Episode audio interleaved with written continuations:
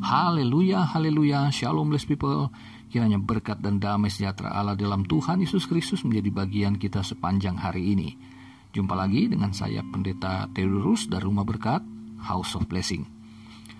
Tema kita hari ini masih para aktor dalam drama penyalipan Yesus Kristus. Yesus di Bukit Golgota adalah aktor utama dalam drama penyalipan itu. Tetapi yang akan saya bahas adalah para aktor juga yang terlibat di seputaran kisah penyalipan itu. Aktor-aktor ini adalah orang-orang yang tadinya tidak pernah mengenal Yesus secara pribadi tentu, belum pernah ketemu secara langsung, belum pernah mendengar. Ya paling banter, pernahlah mendengar reputasi Yesus. Aktor-aktor yang ada di seputaran Yesus ini kiranya dapat menjadi perenungan bagi kita semua. Saya akan menarik ada hal-hal yang dapat kita renungkan. Bagaimana kita melihat Yesus Kristus Tuhan dan Juru Selamat kita, dan bagaimana kita melihat sesama anggota tubuh Kristus atau jemaat, atau secara umum sesama manusia. Pada bagian yang pertama telah saya bahas tentang aktor yang bernama Imam Besar Kayafas dan Imam Besar Hanas dan pada bagian yang kedua, saya membahas aktor yang bernama Herodes. Dan pada bagian yang ketiga ini, aktor itu bernama Pontius Pilatus. Pontius Pilatus adalah gubernur provinsi Yudea atau wali negeri Yudea yang merupakan bagian dari Emporium Romawi, kerajaan yang paling berkuasa pada waktu itu. Nah, pada peristiwa penangkapan Yesus, Mahkamah Agama Yahudi telah menuduh dan memutuskan bahwa Yesus bersalah terhadap Tuhan Allah, yaitu dengan menyamakan dirinya dengan Yahweh itu. Ini merupakan penghujatan dan layak dihukum mati. Tetapi mereka tidak dapat melakukan eksekusi penyalipan karena penyalipan merupakan bagian dari penghukuman menurut hukum Romawi mereka serahkan kepada Pontius Pilatus di Injil Lukas pasal 23 ayat 1 sampai 7, namun Pilatus tidak menemukan kesalahan Yesus. Lalu diserahkan kepada Herodes sebagai raja wilayah. Karena Yesus orang Galilea. Tetapi Herodes pun tidak menemukan kesalahan pada Yesus lalu mengembalikan lagi kepada Pilatus. Dan di Lukas pasal 23 itu mulai ayat 8 dan seterusnya, saudara satu perikop itu Dikatakan tiga kali Pontius Pilatus mengatakan Yesus tidak bersalah menurut hukum Roma tentu. Karena masalah agama adalah urusan internal bangsa Yahudi, bukan bangsa Roma. Tetapi kemudian imam besar Kayafas yang telah memprovokasi masa, mereka datang telah memenuhi istana Pontius Pilatus dan mereka mendesak agar Yesus tetap dihukum mati, dihukum salib. Pontius Pilatus telah menawarkan barter ya dengan Barabas. Barabas adalah seorang penjahat kelas kakap yang telah difonis mati, yaitu dengan cara disalib oleh pemerintah Roma. Tetapi kemudian mereka tetap tidak mau menerima itu.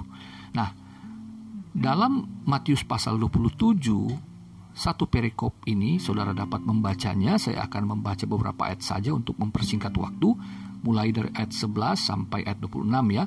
Tapi saya akan membacanya dari ayat 23 sampai 26 saja. Katanya, tetapi kejahatan apakah yang telah dilakukannya? Namun mereka makin keras berteriak, ia harus disalibkan.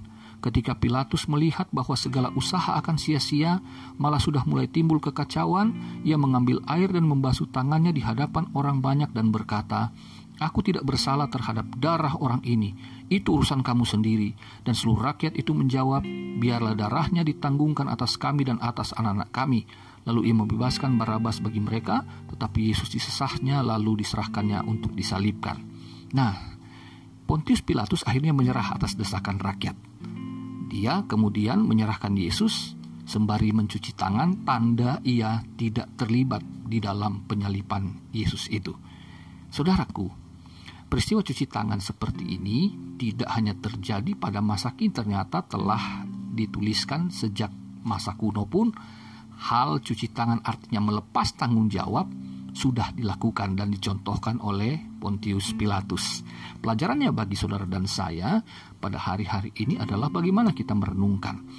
Di dalam kita mengambil keputusan, apakah kita akan mengambil satu keputusan penting hanya karena berdasarkan syahwat orang banyak, demi hawa nafsu orang banyak, lalu kita kemudian mengabaikan kebenaran. Meskipun kita tahu itu benar, tapi kita coba abaikan, seperti Pilatus yang cuci tangan. Apakah kita akan mengambil satu keputusan meskipun kita tahu itu tidak benar? Bahkan mungkin kita tahu itu melanggar hukum. Tidak sesuai dengan firman Tuhan. Namun, karena kepentingan orang banyak ini, meskipun kita tahu itu semua berlandaskan hawa nafsu, kita mengabaikan hati nurani kita. Dan kita memutuskan untuk menyelamatkan karir, menyelamatkan harga diri, menyelamatkan reputasi nama baik, menyelamatkan perusahaan, menyelamatkan bisnis dan sebagainya. Saudara yang terkasih dalam Tuhan ingat, sebagai orang Kristen, kita tahu bahwa Yesus adalah kebenaran. Yesus adalah firman kebenaran.